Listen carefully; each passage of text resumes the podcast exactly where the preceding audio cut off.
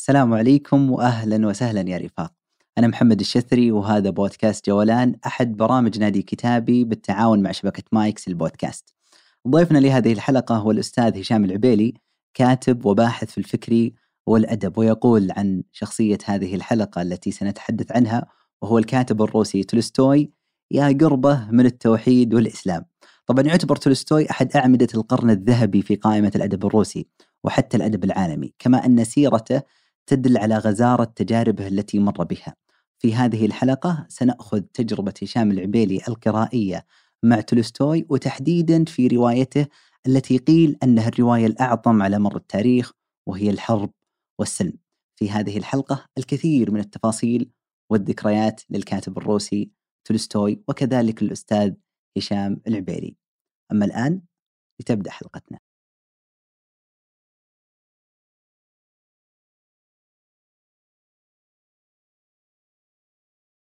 أهلا وسهلا أستاذ هشام العبيلي حياك الله. يا مرحبا ومسهلا ابو سعد. الله يبارك فيك. سعيد والله على المستوى الشخصي بهذه الحلقة ومتفائل أنها ستكون عظيمة بإذن الله إن شاء الله. بإذن الله. الله يرفع قدرك. خلينا نبدأ مباشرة. إحنا راح نتكلم عن مثل ما هو معروف بالعنوان وغيرها عن الكاتب الروسي تولستوي المشهور. آه، وغالبا إحنا بنقدم سيرة ذاتية عنه يعني في هذه الحلقة عن بعض أعماله وحياته وما إلى ذلك. لكن اللي يبحث عن هشام العبيلي على منصات التواصل الاجتماعي وخاصة تويتر يجد أنه دائما ما يتطرق للسيره الذاتية وأثرها في حياة الإنسان أو حتى كتابة السيره الذاتية. عندك كذلك أوراق معرفية قدمت فيها عن السيره الذاتية. قبل الدخول إلى تولستوي اللي إحنا راح نقدم تقريبا تجربتك القرائية معه ليش دائما آه هشام العبيدي يتكلم عن السيره الذاتية وأنه يحث الناس على كتابتها؟ مم. أول شيء أشكرك على هذه الاستضافة. يا مرحبا الله يطول عمرك وحسن ظنك.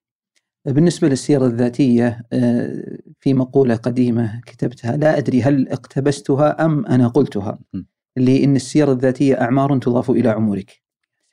فأنت لما تقرأ سيرة واحد آه، عاش ستين سبعين سنة وتقرأ لعشرة مثل ذلك يعني تقريبا سبعمائة سنة من المعارف تراكمت عندك. وهو عدد مهول. وهي الفرق بينها وبين الرواية أن السيرة الذاتية حقيقية. الرواية يدخلها كثير من الخيال الذي قد لا نراه في الواقع. لكن السيرة الذاتية حقيقية تماما. آه، ولذلك إحنا نقول إنها آه، تجعل الإنسان أحيانا آه، يستجر ذكريات الماضي ويتعلم للمستقبل. يعني يرى ما وقع فيه الآخرون حقيقة بدون مبالغة. أنت تعرف أحيانا أن الروايات تكون نهايتها سعيدة وجميلة ووردية. السيرة الذاتية ليست كذلك يعني باضطراد. يعني هذا من الأسباب اللي جعلتني أهتم بالسيرة الذاتية. إذا تسمح لي آه، كانت أول سيرة ذاتية أو من أوائلها كانت سيرة عبد الرحمن بدوي. هي أظن اسمها سيرة حياتي أو كذا نسيت. هي دلني عليها آه، ابن الخال آه، محمد الحميد. نعم الله يمسيه بالخير. كان عندي في البيت وقال لي قريت سيرة عبد الرحمن بدوي؟ قلت له لا. قال لي اقراها تبي تشوف. حقيقة انبهرت أنا من عبد الرحمن بدوي يعني شخصية عجيبة و... ونرجسية جدا كذا. وبعدها كانت سيرة مالكوم إكس.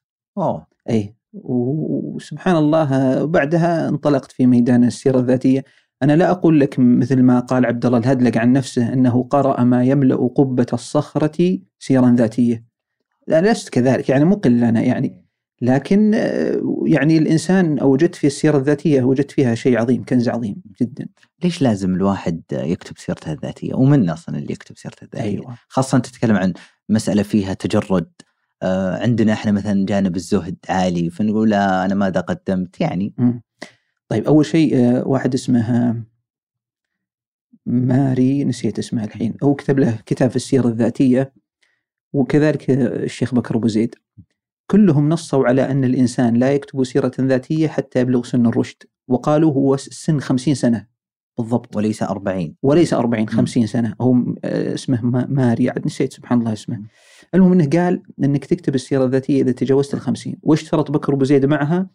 أن يكون ذا إنتاج علمي وذا سمعة عند الناس. طبعا أنت اضطريت طاري الزهد.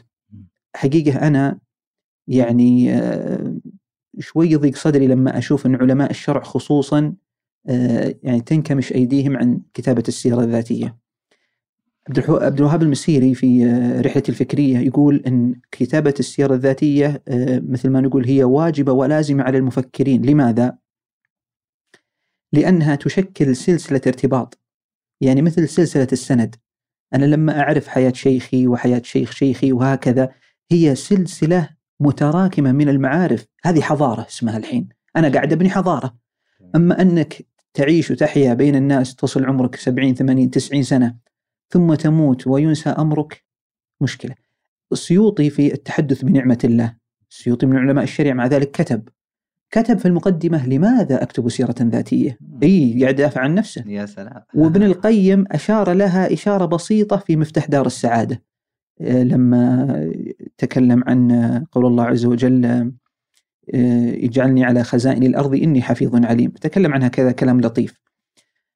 أعطيك مثلا مثال الشيخ عبد العزيز بن باز آه، مرة في له تسجيل أظنه تسجيل عفوي تكلم عن حياته وكيف أصيب بالعمى وكيف طيب ليش ما دون هذا؟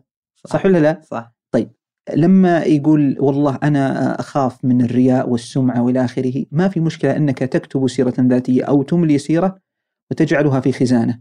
فإذا أنا مت فانشروها. انشروها بس. هذه يعني ترى هذا من حق الأجيال عليك. مهم. والله اني أتفق معك لكن مرات يعني إحنا كقراء في كتاب ما كتبوا سيرتهم الذاتية. ممكن إحنا كمحبين نقول "مم، ليته كتب. مم.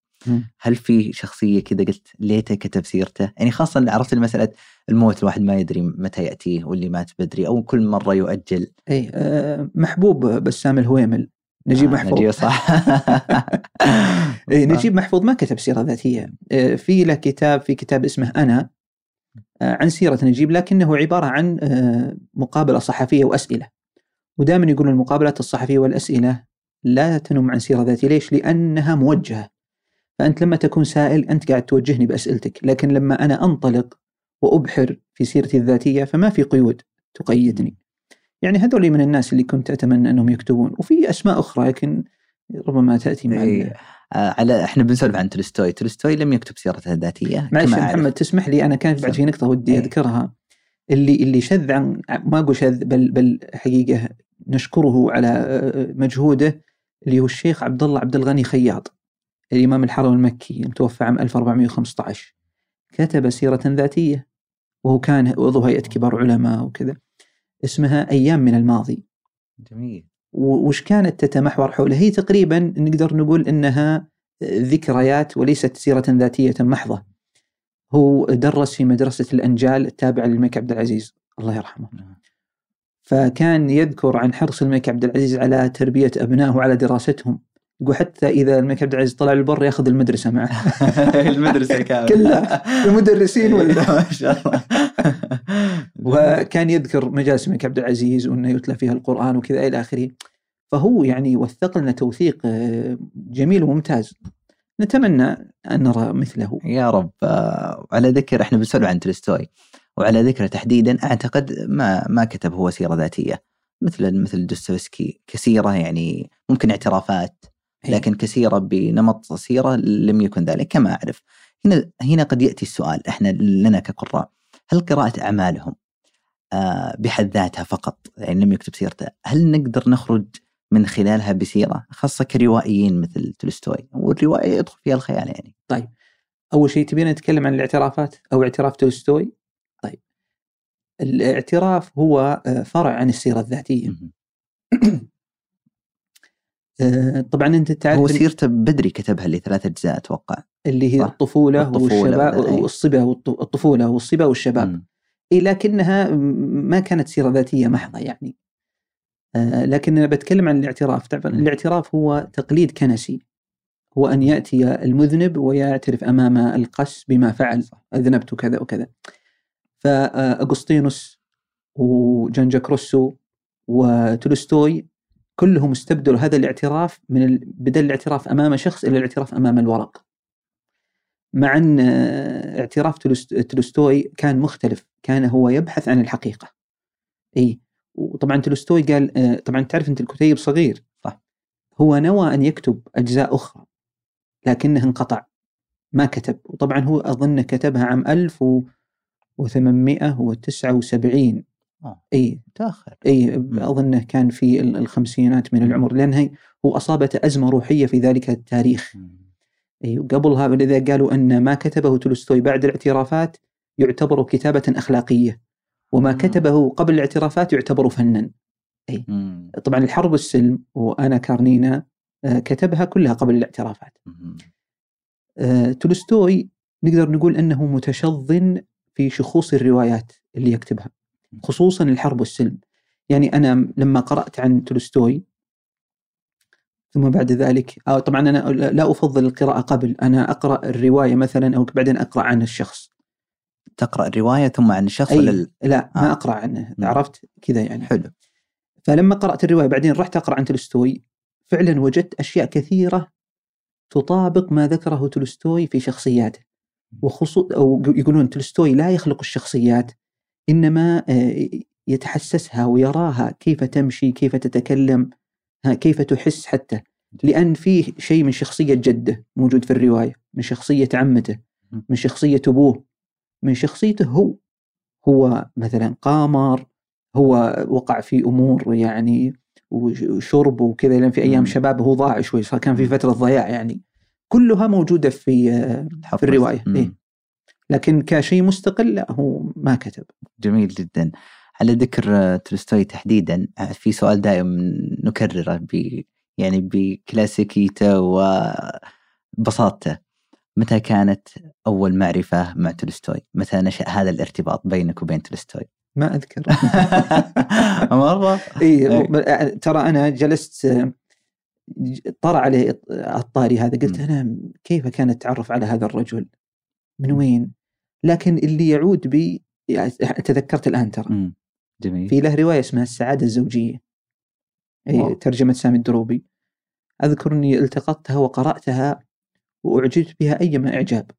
مع أن النقاد يعني آه، عندما قرأت عن تولستوي كانوا يذمون هذه الرواية. مع أنها كانت رواية بديعة. بديعة جدا. فربما هذا هو الارتباط الأول به. أمس سألت أنا في تويتر وش الفرق بين آه، دوستويفسكي وتولستوي؟ أحدهم جاب طاري الزواج إن إيه. كلهم يعني يحبون زوجاتهم لكن في التعامل فشلوا في ذلك. إيه. أو خاصة الفترة أنت تقرأ أو يعني الفترة الأخيرة تقرأ مذكرات صوفيا زوجة تولستوي. اي قرأتها من يمكن 1440 التاريخ. لأني أنا أدون طبعا التواريخ على الكتاب حتى أعرف مسيرتي مسيرتي القرائيه وين راحت وين جت. فأذكر كانت صوفيا انصدمت بأنها كانت تعاني منه معاناة شديدة. عجيب. يعني أنت شوف يقولون دائما لا تقترب من الرجل العظيم. حتى لا يعني تحترق أو يحترق هو في عينك. أيوه فهو كان تقول إن تقول أول مرة هجرني بعد زواجنا ب 20 سنة. أوه. اي وكانت تكتب بتحسر وكذا ثم قالت إني لن أنام على الفراش الذي لن ينام عليه تولستوي هذه الليلة. حتى هي مساكينة إيه. والرجال يعني هو مجننها كان ترى. إيه. لأنه هو يملك روح فنان. وروح الفنان متقلبة جدا ومزاجه متقلب وحقيقة هي صبرت عليه. ربما يأتينا لما نذكر وفاة تولستوي في موقف صار بينهم. طبعا هو مشاجرة حدثت يعني. لكنها امرأة صبرت. يعني لو تدري كم نسخت من مرة الحرب والسلم هي صدمني كم الحرب والسلم ترى ضخمة اللي ما يعرف أربعة أجزاء قرابة 2000 صفحة. في الطبعة الموجودة الآن. نسختها سبع مرات. اي واحد اسمه ليمونوف كتب كتاب اسمه صفحات مجهولة من حياة تولستوي يقول إن هذا ليس بدقيق إنما في بعض الفصول نسختها ما بين 15 إلى 20 مرة. لا إله إلا لأن تولستوي كان كل مرة طبعا تولستوي من الكتاب المترددين جدا. م. في روا... بعض روايات مثل القزاق هذه كتبها في عشر سنوات مع أنها صغيرة ترى. زين؟ روايته البعث أعاد كتابتها في بعضهم 13 مرة. كان كاتب متردد. عرفت؟ مقدمة الحرب والسلم كتبها 33 مرة. واو. هذه رسالة مطمنة للكتاب حاليا. لا ليست رسالة مطمئنة إيه إنما لكن... هو العمل والجهد. تقول هي في عام 1868 أظنها 68 إيه. تقول إني آه إن تولستوي يكتب وهو يبكي. لابد أنه يكتب عملا عظيما. هو كان أثناء كتابة حرب السن الله. أيوه. بجي أنا استطردنا إيه، كثير ما. ندخل عليه وإحنا لا بس بقول لك إن ليش كانت الحرب والسلم رواية قوية وهي أفضل رواية في العالم. بشهادة سومرست موم. وكذلك أيضا بشهادة شو اسمه هذا ماريو براغاس. يقول المفروض إن تولستوي حصل على نوبل بلا منازع يعني. ليش؟ لأن تولستوي قدم من روحه في هذه الرواية. هو سكب من روحه جزما. ولذلك ترى كل الكتابات التي تخلد إنما مؤلفوها سكبوا من أرواحهم في هذه في هذه ال- ال- الكلمات التي كتبوها. فأصبحت مشتعلة حية إلى زماننا هذا يا سلام استطرادات إيه، نظرية يا هذه أنا بغيت أدخل على حرب السلم لكن لا، على. ذكر صوفيا ودي أعرف أو آه، شكل تولستوي في عين صوفيا لو كذا لخصناه كي- كيف ترى تولستوي؟ شفت يدك إيه. اللي قد تكون متعبتك بس ما تقدر تقصها هذا هو وضعها معه. هو متعبها لكنها تحبه تحبه حبا جما يعني ترى طبعا تولستوي منعت بعض رواياته. أيوه. آه. وراحت هي لموسكو ودخلت على القيصر وكلمته وقالت له كذا وكذا آه. واعطوها إذن. إيه عجيب. حتى طبعا كتابه الاعترافات كان ممنوع لأنه مضاد للكنيسة هو. كنيسة صح. فهي حقيقة بذلت جهد عظيم مع هذا الرجل. ودائما آه، ال- ال- الفنان أو الكاتب أو الشخص العظيم هو لا يكون وحده. إذا ما كانت عنده زوجة تؤازره ما تقف ضده. أيوه فهي صراحة كانت يعني هي ربما نقول أنها الذراع الأيمن بل هما بل هما بل هي ذراع تولستوي حقيقة. جميل. هي يعني كانت امرأة عظيمة جدا مع انه تزوجها عمره 34 وهي 18 أوه. أي. فرق بينهم كم؟ 20 سنة. تقريبا إيه. لا أو أقل. أقل. والله- الزبده انه كبير ما شاء الله. بينهم 18 أو حاجة زي كذا. مم. مع ذلك يعني استطاعت إنها تتعايش مع هذا الرجل الصلب العنيد جدا. بذكرني على في نهاية واذا جينا ننطري طاري موتة. التمسك بالمبادئ. جميل. إيه بقول في خاطرة. أجل هذه لابد. بس آه، في بعضهم يقول إن تولستوي نظرته للنساء مش ولا بد. إيه صحيح. صحيح؟ نعم. وعنده 13 ولد هل هو من مبدأ اللي يشغلها لا تشغلك لا، طيب. لا، يقول النساء طبعا هذه وجهة نظره هو إيه. عشان ما حد يجي يقص يا الكلام. يقول البيبي قال إيه. يقول المرأة لم تخلق إلا للإنجاب فقط ورعاية البيت. هذه مهمة المرأة عنده كذا تختصر. وهو ترى يطريها بعد في الحرب والسلم. أه، لو لو لو طرينا شوي أنا كارنينا. شوي اللي قلنا إن لها ترجمة ثانية حنا كارنينا أه، طبعا هي أنا لا أحب أن أحرق الروايات على أحد ولكن لا أتعرض للتفاصيل بس هي امرأة من الطبقة الأرستقراطية أه، يعني أعلى من البرجوازية وزوجها كان بمرتبة وزير ثم حبت لها شاب ضابط وارتبطت به ويعني واكتشفها زوجها وكذا إلى آخره. طبعا النهاية نهاية مؤسفة لأنا كارنينا. أنا حسيت ان تولستوي ينتقم آه. ل- لأن تقدر تت- يعني تنهي الرواية بأي نهاية أخرى. ب- بذات الهدف اللي ت- تريد أن تصل إليه بدون هذه النهاية يا أخي. صح أنت هي- هي كأنك حزينة، تنتقم. صح قرأتها وفعلا هل هو انتقام مبادئي يعني ولا طبعا شوف أنا ولا قرأ- ينتقم أنا- عشان وجهة نظر الرجال؟ أبعلمك شيء أنا قرأت ولا ولست متأكدا من هذه المعلومة لكني قرأتها أن زوجته مالت إلى أحدهم. طبعا أنت تعرف أنه لما كتب الحرب والسلم أصابته السكتة الأدبية. تمام؟ السكتة الأدبية هذه تقول زوجته أنه صار ينشغل بالحكايات الشعبية وبسماع الأغاني وكذا بس ما عاد عنده وفتح مدرسة. جت السكتة ليش قلت لك؟ لأنه هو استفرغ روحه في في الرواية. فبعدها كذا وهو جالس هذا قال أنا جتني فكرة. وش الفكرة؟ قال أنا بكتب على امرأة من الطبقة الكذا وكذا أنها سوته وفعلا شرع يقولون طبعا هو كأنه هو داري عن زوجته إيه. ها وكأنه بس- ينتقم منها في هذه الرواية عجيب والله إن صحت فهو لكن فعلا الرواية عجيبة جدا وهي تقع في 1740 صفحة تقريبا آه، صح. اللي في آه، بالمناسبة أنا قرأتها بمناسبة التحدي يعني في تحدي فقرأتها لأجل ذلك لو لكن لو ما في هذا التحدي ستؤجل ستؤجل. طيب معلش تسمح لي إيه. أذكر شيء عن أنا كارنينا هات. أنا ودي أسولف عنها لأن صراحة لا بس من ناحية. الترجمة. مم. الحين ال- الحرب والسلم الجزء الأول والثاني ترجمة سامي الدروبي. صح. الثالث والرابع ترجمة صياح الجهيم. آنا كارنينا ترجمها صياح الجهيم. كنت أتمنى من كل قلبي لو أن سامي الدروبي هو الذي ترجمها. آه. ليش؟ سامي أديب. أيوه. آه، سامي خلينا نقول تعبير بسيط مثل الصابون اللي تزلق. صدق. يعني عرفت؟ إيه. يعني يعطيك ترجمة سلسة. أنت لما تقرأ الحرب والسلم الجزء الأول والثاني ثم تنتقل للثالث والرابع تجد وعورة. واو. نعم. ترجمة صياح الجهيم هو صياح الجهيم مترجم كبير ما نقول فيه شيء. لكن لما صار في مقارنة بينه وبين سامي مم. يعني حقيقة مم. جميل. كانت ترجمة سامي تفضله بكثير يعني.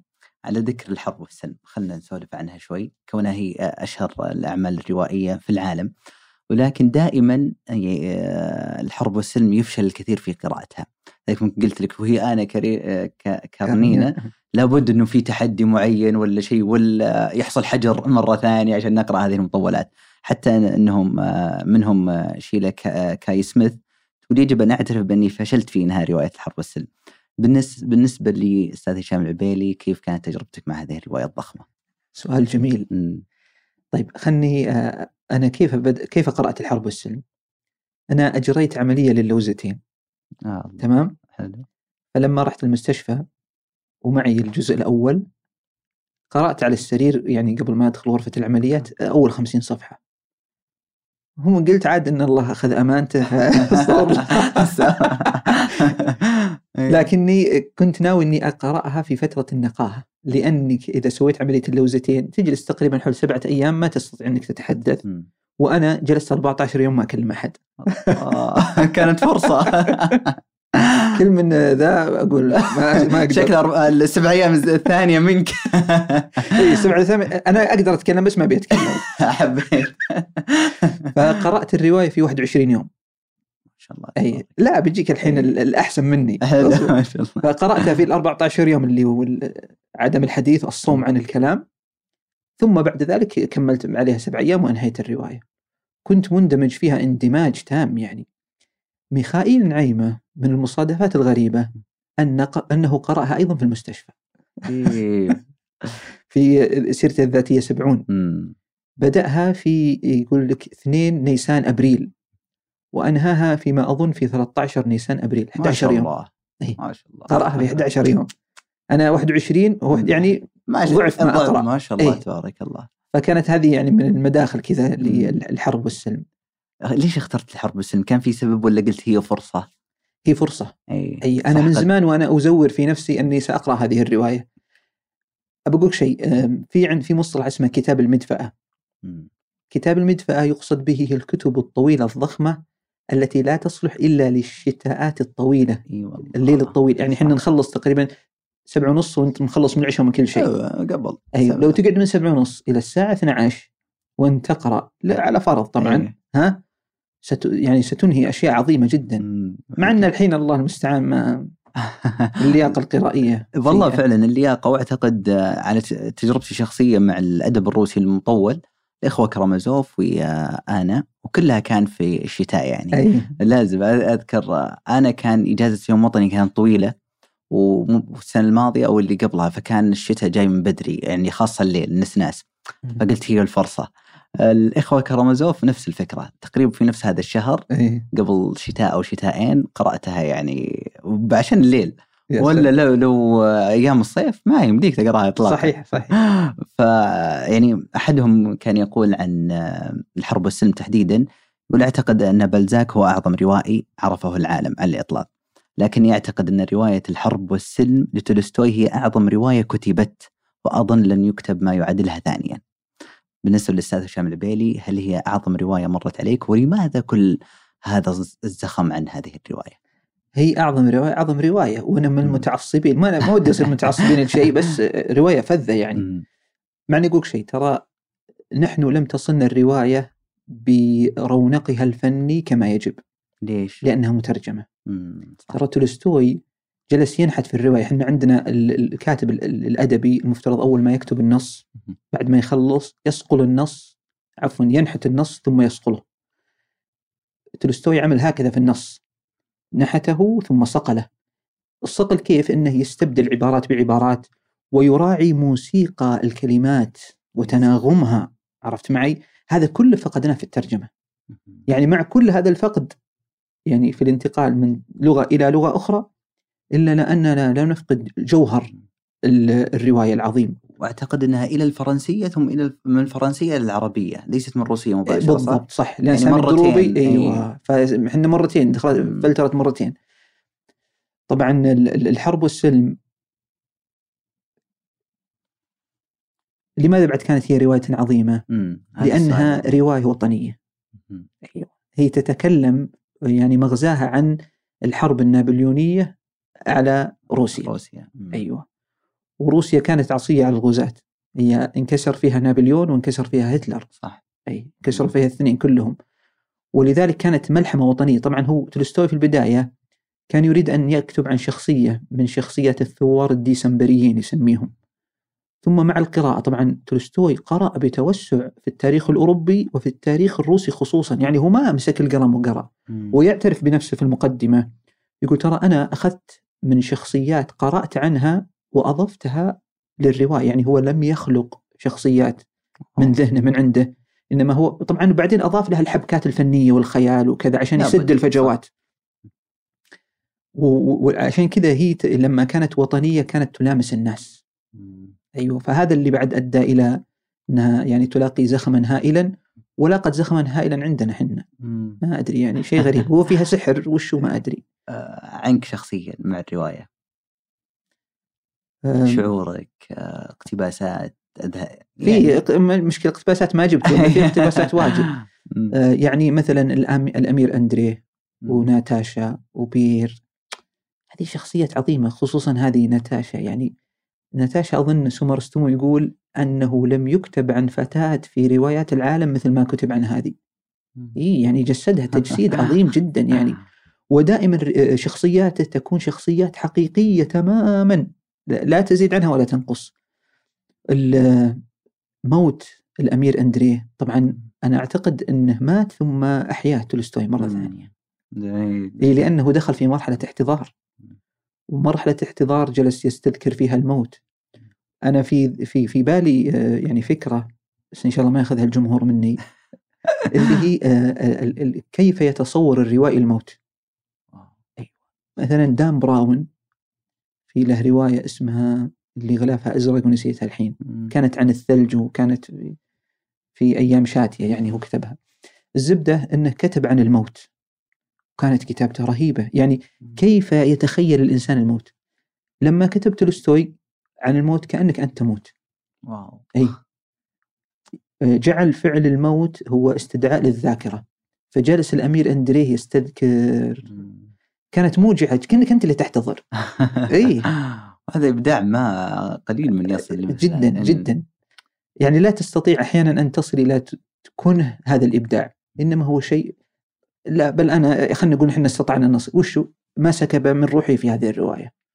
يعني يقول لك دائما الأشياء الروحانية هذه عظيمة جدا يعني. تجي صادقة. نعم بالضبط. ذلك قالت العرب قديما آه يعني إذا أردت آه أن تصل رسالتك فعليك بثلاث. فصاحة اللسان ومعرفة بأحوال الناس وحرارة قلب. الله. هذه حرارة قلب فعلا. تلقى حتى استغلال الكذاب لو إنه يتكلم بحرارة تصدقه. ولذلك معلش على الاستطرادات الكثيرة أنا أحب الكتابة بالإلهام ولا أحب الكتابة بالعمل. أوه. أي. لا تقول لي يعني آه، مثلا أورهان باموق يقول أنا من ثلاثين سنة أظن قال أشتغل عشر ساعات يوميا أكتب. أورهان باموق ما يكتب بإلهام بقدر أنه ما يكتب بعمل لكنه أنجز وخذ جائزة نوبل يعني. لكني أنا شخصيا لا أحب لا أحب الكتابة بالعمل أحب الكتابة بالإلهام. بس وال... ما تعنز عليها عرفت اللي هي هي لحظات. أنا أقول شيء أنا مرة كنت في مسافر بالأولاد كنت أنهيت رواية الساعة الخامسة والعشرون.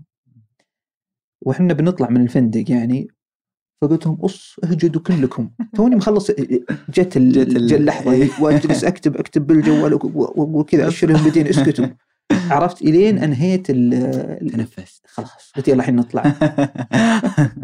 بس هذه يعني ما تصنع لنا للأسف مشاريع. يعني نجيب محفوظ مثلا.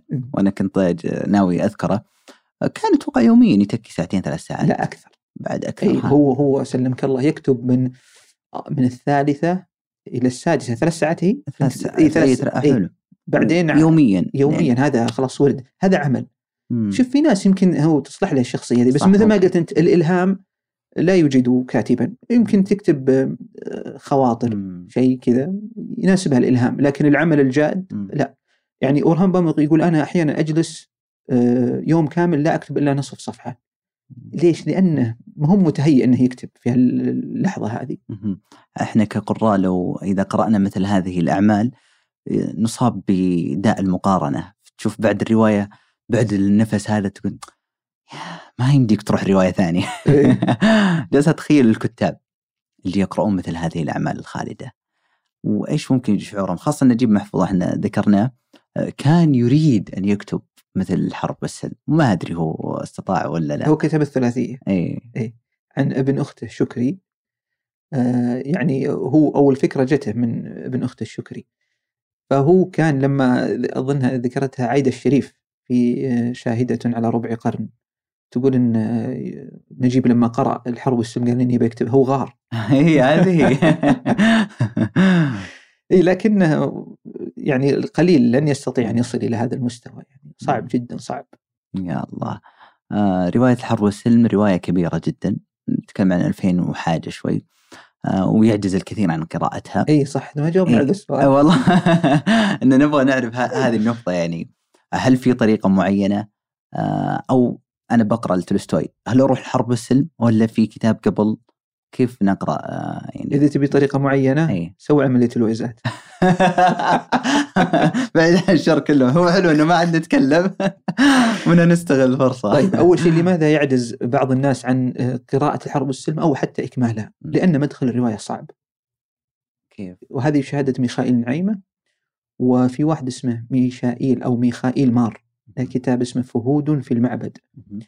يقول إن بعض الروايات صعبة خصوصا الروايات الروسية لأنها تحتوي على أسماء إحنا ما تعودنا عليها. يعني إحنا متعودين على الأسماء الإنجليزية جون ستيف كذا عارفينها يعني جاري على ألسنتنا لكن الأسماء الروسية صعبة النطق. فهو مدخل رواية الحرب والسلم كان حجر عثرة أمام البعض. لأنه آه، البداية حفلة الطبقه آه، برجوازية وفيها كثير من الأسماء كذا لأنهم طبعا هم كانوا ترى كانوا يتكلمون عن أجواء الحرب. وهذه الحفلة ترى هي تمثل السلم في الرواية لأن في ناس قالوا أين. السلم في الرواية؟ صح هذه تمثل أيوه الحفلة هذه اللي صارت وكذا. فاللي يستطيع انه يتجاوز المقدمة ويشرع فيما بعدها خلاص سينساب مع الرواية. إيه هو كل المشكلة والعائق في المقدمة وكيف نقرأ آه، كيف ندخل لهذا العالم؟ ليس عالم الحرب والسلم عالم تولستوي. هل نروح على طول حرب السلم ولا في في كذا فتاة فتاة أنا أنا؟ دائما أرشح السعادة الزوجية مم. السعاده الزوجيه لذيذة جدا وسهلة وبإمكانك قراءتها يعني. ثم بعد ذلك لو خذ القوزاق مثلا يعني مع إني بقول شيء يعني أنا آه، لا يعيقني الحجم بقدر الشغف. يعني أنا إذا أحب أقرأ لهذا الشخص سأقرأ له مهما يكون. آه برضو على على ذكر آه هذه التفاصيل وكتبه آه في في آه، كتاب عن الرسول عليه الصلاة والسلام. اي آه استغربت والله يعني أول ما عرفت تولستوي إنه وش جاب أول شيء الثقافة العربية والإسلامية والرسول تحديدا عليه الصلاة والسلام إلى العالم الروسي وهو كما عرف يعني عندنا مهتم وله ولع شديد بالثقافة العربية. آه ودي أسأل عن هذا سر اهتمامه وبنفس الوقت هل فعلا إحنا وصلنا إلى إلى وسط الجليد هناك في روسيا؟ في واحد اسمه محمد عياد الطنطاوي. هذا مصري أظنه مصري آه ذهب وعاش في في روسيا. ذكره كراتوشكوفسكي. يقول هذا الرجل يعني آه عاش هناك. طبعا هو مات في روسيا وكتب كتاب عنه. فيعني الإسلام واصل هناك من يعني من زمان. مع أن كراتوشكوفسكي طبعا هو جاء بعد تولستوي. لكن السر إن القراءات المتنوعة اللي تولستوي عرفتها بالإسلام. طيب لماذا هو كتب كتاب حكم النبي محمد. لماذا؟ هو شاهد هز- هجمة ضد الإسلام من ال- بعض المجامع هناك بعض المجامع المسيحية الأرثوذكسية خصوصا. فأحب أن يدافع هو رجل يعني يدافع عن الحق. يا سلام. أيوة. فأخذ بعض الأحاديث النبوية وترجمها إلى الروسية. وكلها طبعا هي أحاديث جميلة جدا مثلا حب لأخيك ما تحب لنفسك وهكذا. قال أن هذا الرجل هذا يعني شخص عظيم. السلام يعني بالضبط. طبعا إذا إذا تحب نستطرد في قضية آه، علاقة تولستوي بالدين وهل أسلم أو لا؟ آه، مو بنحب أنا. طيب. أتمنى. طبعا تولستوي آه، يسمونه هو مواطن العالم وإنسان الإنسانية. جميل. وله مراسلات مع غاندي طبعا. وله مراسلة مع الشيخ محمد عبده المصري. أوه. تبادلوا رسائل. أظنها رسالة أو رسالتين بالكثير. وذكر فيها شيء غريب وعجيب. ذكر قال إني أنا على نفس المعتقد الذي تعتقده يا محمد عبده. أوه. أيوة. ذكر هذا في أيوة هذا في نص في رسالته. وفي آه، في كتاب اسمه مذهب سيرة تولستوي الواحد اسمه السليم قبعين. قديم هو كتب الكتاب في حياة تولستوي. أوه. إي. آه، موجود يعني في الأسواق متوفر. آه، خصص القسم الثاني من الكتاب للحديث عن طرد. تولستوي من الكنيسة أظنه طرد 1901 مم. يعني أبعدته الكنيسة حرمته الكنيسة الأرثوذكسية بسبب كتاباته ضد الكنيسة. فتولستوي صارت بينه وبين هذول ردود بينه وبين وزوجته صوفيا ترى تدخلت وكتبت. ما قصرت هي يعني يدها إنها- بيضاء يعني. أي والله. فهو يقول يقول أنا لا أؤمن بالتثليث إنما أؤمن بالله وحده فهو موحد. موحد. هو موحد. إيه. عرفت؟ طيب إذا إذا إذا تسمح لي أبي أتكلم عن مسألة اسمها مسألة الأسماء والأحكام. طيب أنا أشكرك والله إحنا جبناك عشان نسمع الله يحييك لأن أخاف إن ناخذ مساحات في. الحديث الأمور مستطردة كثيرة. الأسماء والأحكام يا طويل العمر هذه في الشرع عندنا ثلاثة أسماء مسلم ومنافق وكافر تمام؟ وعندنا الأحكام، الأحكام تكون في الآخرة الجنه أو النار. أنا لا يحق لي أن أحكم على أحد بجنة أو نار. حتى لو مات كافر لا يحق لي أن أحكم عليه أنه من أهل النار. تمام؟ طيب فقط أحكم على من نص على الحكم عليه مثل أبو لهب. صح. أبو لهب منصوص خلاص أبو لهب في النار انتهينا. وأحكم للجنة بمن نص له عليها.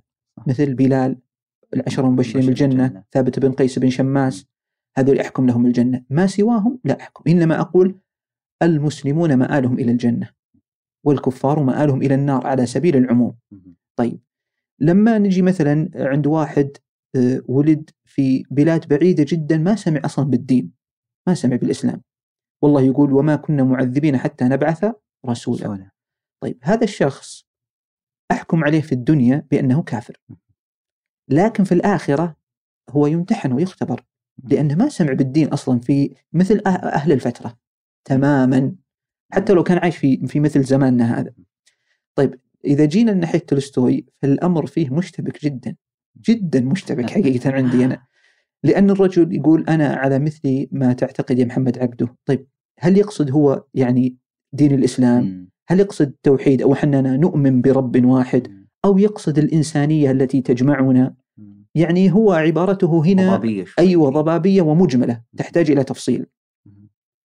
وكذلك يوم قال أنا ما أؤمن إلا بالله وحده فأنا أقول أرجو أن الله ينقذه بهذا التوحيد لأن هذا هو مبلغ علمه الذي بلغه. أرجو من الله ذلك فقط يعني هذا الذي أستطيع أن أقوله فيه وأعتقد أبو حامد الغزالي برضو أستطرد خدمة. دخلنا في موضوع ثاني يوم ذكر اللي وصلتهم الرسالة فك... فقسم الناس نفس هذا التقسيم ناس. وصلتهم الرسالة صحيحة غير مشوهة فآمنوا بها فهؤلاء مؤمنون وكفروا بها فهؤلاء كافرون وناس أتتهم الرسالة أو ناس لم تأتيهم الرسالة أو أتتهم الرسالة لكنها مشوهة. يعني حتى لو أتتك الرسالة وهي مشوهة يعني الإرهاب مثلا. يعني فهم أنت ما تعرف شيء عن الإسلام فجأة أحداث 11 سبتمبر من ذولي والله مسلمين. إيش ذولي الإرهاب؟ صدمة. فهم صدمة. مم. فقال هؤلاء يعني يعودون إلى أهل الفترة. مم. هذا يعني فيها تفاصيل من. أي لو الواحد ما نتوسع فيها. لكن على ذكر تولستوي الصديق وسام هو من تغريده ساخرة في هذا الجانب. يقول؟ كان حاط صورة لدوستويفسكي يقول ما بقى إلا هو يخلونه مسلم. فرد عليه أحد عن تولستوي فلعله منشنك وقال أستاذ هشام العبيلي حج عن تولستوي أصلا. إيه، يبالغ. فهل حججت عنه؟ عسى يحج عن نفسه لكني قلت عنه فعلا هو أقرب إلى التوحيد. إن شاء الله نرجو له. مم. والله أنا أقول فقط نرجو له. وعلى ذكر ال- الكنيسة يعني معلش ترى حتى هو يوم آه، توفي نص قال لا يجيني آه، راهب ولا قسي يقرأ علي صلوات. اي لا يجيني يقول أحد. يقول ادفنوني جثة في حفرتي بدون أي شيء. أوه. إيه، حتى الطقوس النهائية ما يبغى. طبعا هو دفن وبجانبه حصانه. الله إيه، والله يعني رمزية غريبة. عالية حتى هو ميت. طبعا تولستوي آه، كما يعرف من مهتم بتولستوي عنده محاولات للدعوة آه، للقيم والمبادئ والأخلاق. ممكن ذكرنا بعضها. برضو عن استقلاله عن الكنيسة وهجومه على الكنيسة والصراع اللي كان فيه. ودي أسأل عن المؤثرات اللي جعلت تولستوي ي- يأخذ هذا الجانب خاصة أنه من عائلة أرستقراطية ورجل تاجر وعنده إقطاعات وعنده عمال وما إلى ذلك فيعني مستغرب هذا الشيء. شو اللي خلاه يتجه إلى هذه القيم والمبادئ اللي خلاه يتجه تحديدا أنا ما أدري. لكن ربما ان نلتمس فقط. حلو. ربما آه، تأثير الكتابة عليه تأثير المعرفة. هو اللي صبغ بهذه الصبغة. مم. يعني آه، هو تنازع هو زوجته صوفيا على إنه قال أنا بجعل حقوق كتبي بعد موتي مشاع للجميع مجانا وتضاربوا عشان هذه أوه. أيوه صارت بينهم مشكلة ويعني وصارت هي دائما معه ما تبيه يكتب آه، هالكتابة هذه مم. لدرجة إنه في آخر أيامه انحاش من البيت هرب رهيب أيوه هرب منها ولا وش؟ هي أيوة. شوف هي صراحة معها حق. وهذه النقطة اللي كنت بقول لك إياها اللي هي المبادئ. دائما يقولون لا تحمل الناس على عقلك. عشان كذا لو في مدير شركة لا يفترض أن مدير الشركة يكون في قمة الذكاء. بيتعب الموظفين اللي تحته أيوة. بيجننهم. صح. عرفت؟ أي. لابد أنه يكون شخص عملي ومتوسط الذكاء. عشان ما يحمل الناس على عقله. تولستوي حمل زوجته وأولاده على عقله. من ناحية المبادئ اللي تبناها. يعني رجال يطلع مع الف... أنت صاحب إقطاع وتطلع إيه، مع هذا- الفلاحين. تحرث إيه. الأرض وت... ما يصلح؟ سوى مدرسة حتى الفقراء أتوقع اي اي يعني هو مرة فمبادئك التي تؤمن بها طبقها على نفسك فقط.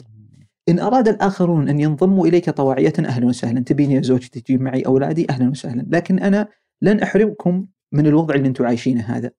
وكان يبي يحرمهم يعني هي لها حق ترى في ما كتب لأنها ساعدته وعاونته. وتبي تحرمنا من هالحقوق ولا يجينا در من ما كتبت؟ ما لك حق يعني معليش. بس عاد هو رجال عمره 83 وراسه يابس. إي والله. عجيب والله. طبعا معلش مم. خلينا نذكر الحين. هذه. وطبعا هو يوم هرب ما علمها وين فيه. وراح عند محطة قطار نسيت اسمها اسمها ستانفور أو كذا. فجلس على كراسي المحطة فيبدو أنه أصيب بالبرد. كان هذا في شهر أكتوبر نهاية أكتوبر أظن 28 أكتوبر. فجته حمى فأخذوه ودوه وكذا فجلس في هذه الحمى عشرة أيام. تقول صوفيا أن حرارته وصلت 40 واو. أيوة. تقول إني جيت بدخل عليه وهو يقول لا تدخل زعلان مرة إلى آخر لحظة. طبعا بعد ذلك هو تقريبا مكث عشرة أيام مريض ثم توفي. أي بعد هذه. قبل الذهاب إلى وفاته. ودي أسأل سؤال. والله وفاته ودك. ولكن يعني قبل أن ننتقل إلى فوات آه، وفاته سالنا سؤال آه، الدكتور أحمد الباحوث في حلقتنا عن دوستويفسكي ما الفرق بين دوستويفسكي وتولستوي؟ خاصة انه ما يذكر هذا إلا يذكر هذا. إيه. اي فنعيد السؤال لك مرة أخرى. ما الفرق بين إيش قال الدكتور حمد عشان والله؟ ما راح أغشش. طيب الفرق بينهم الله يطول عمرك. قد يكون دستو... دستويفسكي أعمق من تولستوي. تولستوي ظاهري. يعني يتكلم عن الحياة الظاهرية. دستويفسكي عميق جدا يدخل في داخل عمق ال- ال- النفس البشرية أيضا ممكن نقول أن أه، تولستوي كاتب اجتماعي ودستويفسكي كاتب فرداني هذا اللي لاحظ أنا أنا أشوف كتابات تولستوي دائما فيها مجتمعات. مجتمعات حفلات صح، وأشياء صح. وكذا. دوستويفسكي لا دائما تحس إن شخص-. شخصيات إيه، كذا. منعزلة. عرفت أيوه شخصياته فردانية مم. فأظن هذا هو ال- الفرق بينهما وهو آه، طبعا هذا ناتج عن آه، تجربة كلا الشخصين. يعني آه، تولستوي من عمره مع الناس رايح جاي وكذا.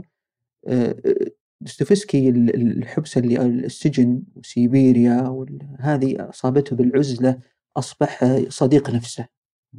عرفت بال... بال... قال إنه كان أصعب شيء يعني هم أربع سنوات.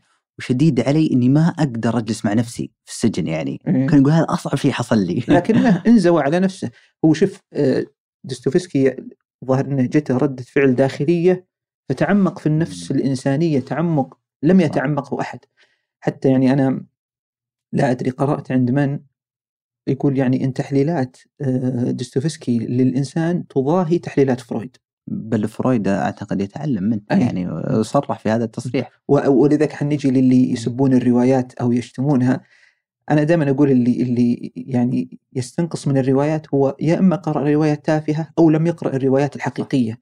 لأن الروايات توصل لنا أشياء لا تستطيع الكتب المتخصصة أحيانا أن توصلها ولا يستطيع ذلك إلا صاحب الذهن المتوقد أنه يعني يأخذ من. الرواية ما يريد. إذا تسمح لي استطراد. بسيط. آه، موجودين أنا كان عندي أستاذ في الرواية أنا تعلمت الرواية تعلما ولم أقرأها هكذا قراءه. عجيب إيه. كيف؟ وهذا أستاذي هو يكره أني أذكر اسمه. ودي والله أني أذكر اسمه. آه يعني أعطاني مجموعة من الآليات والأشياء طبعا هو أصغر مني. ما شاء الله. أي وأنا لا انف أني أتعلم من أصغر مني إذا كان يفيدني. صحيح. وهو أهل لذلك. فكان يعطيني آليات معينة اقرأ كذا ويعطيني روايات يقول اقرأ هذه وبعدين علمني وش الرمزية اللي فيها. أوه. أيوه. م. فمرة أذكر أعطاني مثلا سعي بريد نيرودا. قلت له كذا كذا قام ما ما وصلت للحقائق. أوه. أرجع أقرأ مرة ثانية. ما قرأت أنا إيه. أنا ترى عجاز ما أقرأ. يمكن قرأتها مرتين هي بس. بعدين علمني وش السر اللي لن أقوله للناس. لا. تحتفظ لا بنفسك خلهم يكتشفونه هو فعلا في صراع في هذه النقطة. كانت رواية رمزية تماما هي. يعني تحسبها بين واحد وواحدة يحبها. لا لا لا وأمها. لا لا. روايه رمزية عميقة جدا يعني. عجيب. ولو آه، استطرد ودي إنك تسألني وش رأيك محمد؟ الفرق بينهم؟ بين تولستوي ودوستويفسكي أنتقل عشان- اخذ إيه. طيب أستاذ محمد ما الفرق بين دوستويفسكي وتولستوي؟ والله أنا بقتبس من دكتور حمد في أحد اللقاءات قبل سنتين أو ثلاثة. كان في نادي كتابي كذا مسوي ورقة عن عنهم أو عن واحد منهم نسيت. فكان يقول لنفس يتخيل أن آه، كلهم سيحكون عن موت الرسول عليه الصلاة والسلام. تولستوي سيأخذ المجتمع الص- الصحابة كيف كان ردة فعلهم وماذا حصل وما إلى ذلك والمجتمع يمكن حتى يخرج كيف تعالموا الناس عن موت الرسول وما إلى ذلك. بينما دوستويفسكي سيبحث عن أكثر واحد تأثر وقد يذهب إلى عمر ويتكلم عنه. فقال يعني هذا المثال أعطاني وحتى آه يعني أعد ه- هذا السببين مثل ما ذكرت دوستويفسكي يمكن جانبه الشخصي. تولستوي شباب الرحالة. ارتحل كثيرا. صح صح. يسافر مدري وين كان جندي. حارب. برضه اي. فهذا ممكن أعطاه التوسع يعني والكتابة فيها صدقت فيعني اللي يبغى يقتبس هذا المثال ياخذه. عودة إلى ما قبل هذا السؤال اللي هو آه، تولستوي في آخر حياته هرب من بيته. ومرض مدة عشر أيام. آه، عن تلك اللحظات الأخيرة كان في كلمات ودك إنك تصلها توصلها. طبعا أقول لك هو كان زعلان على زوجته أي. آخر شيء إنه أنا ودي أقرأ نصا ما كتبه ماكسيم غوركي إذا موجود عندك، موجود. يلا خلنا فحقيقه كتب كتابة مم. مؤلمة جدا عن وفاته عن وفاته مم. وأعتقد برضو عنده م- يعني مصاعب جته في حياته يعني من هو رزق له 13 ابن ماتوا من خمسة أتوقع صحيح صحيح. سبحان الله. هكذا العظماء. أي والله. لا وخاصه الروائيين. أكثر روائيين عمقا وتاثيرا. ذكرت اللي كتب روحه في الكتاب. جزء من غالبا يشتركون في مواطن ألم كثيرة. ال- ال- العجيب ترى في شيء ما ذكرناه عن أي. الرواية. شيء غريب. اللي هي؟ آه، تدري كم عدد شخصيات الحرب والسلم؟ والله ما عندي معلومة. صدمني. 559 شخصية. لا إله إلا الله. ما بين شخصيات روائية آه، رئيسية وشخصيات في الظل. 559 طبعا أنا اتهمت تولستوي بعد ما قريت أنا كارنينا. أي. اتهمته بأنه عنده مرض نفسي اسمه مرض تعدد الشخصية. حلو. ولماذا اتهمته كذلك؟ إيه، لأنه ما في أحد مثله ممكن أنه يقوم بدور المرأة. ودور الرجل في ذات الوقت. أوه، صح. صعب جدا جدا. أنا أقرأ أنا أمسك رأسي. يعني كيف استطاع؟ إيه. كيف استطاع أنه يعبر الآن بمشاعر المرأة تماما مم. ويعبر بردة فعل الرجل تماما؟ أنت كرجل تقول اي نعم أنا بقول كذا. والمرأة لو كانت تقول كذا. تعبير عجيب. فالشخص تصل به القدرة العقلية الفائقة على أنه يتقمص هذا ال- ال- الدورين ويكون في حوار متبادل. صعبة جدا تراها مرهقة. ما هي ما هي بسهلة. آه، كنت بسأل 559 من وين جابهم؟ خاصة اسمائهم صعبة. يمكن عندهم صعبة بس عندنا صعبة. أنا أقول لك آه، هو خذ روايته من حياته العامة اللي عاشها هو ومن أقاربه من جمع ال- إي ومن الشخصيات التي قرأ عنها في كتب التاريخ جمع هذول كلهم. طيب. وحنا قلنا شوف بعد هذه تعزز نظريتنا في كون آه، تولستوي شخص اجتماعي أكثر من تولستوي آه، أكثر من دوستويفسكي. صح. دوستويفسكي يمكن تلقى له أربع مع إنه أظن في الأخوة كرامازوف إي. بعد في في صح دخلوا بس إيه. الشخصيات الأساسية ثلاثة. إيه. طيب ماكسيم غوركي يقول في صور أدبية يقول مات تولستوي. وصلت برقية تفيد بكلمات عادية أنه مات.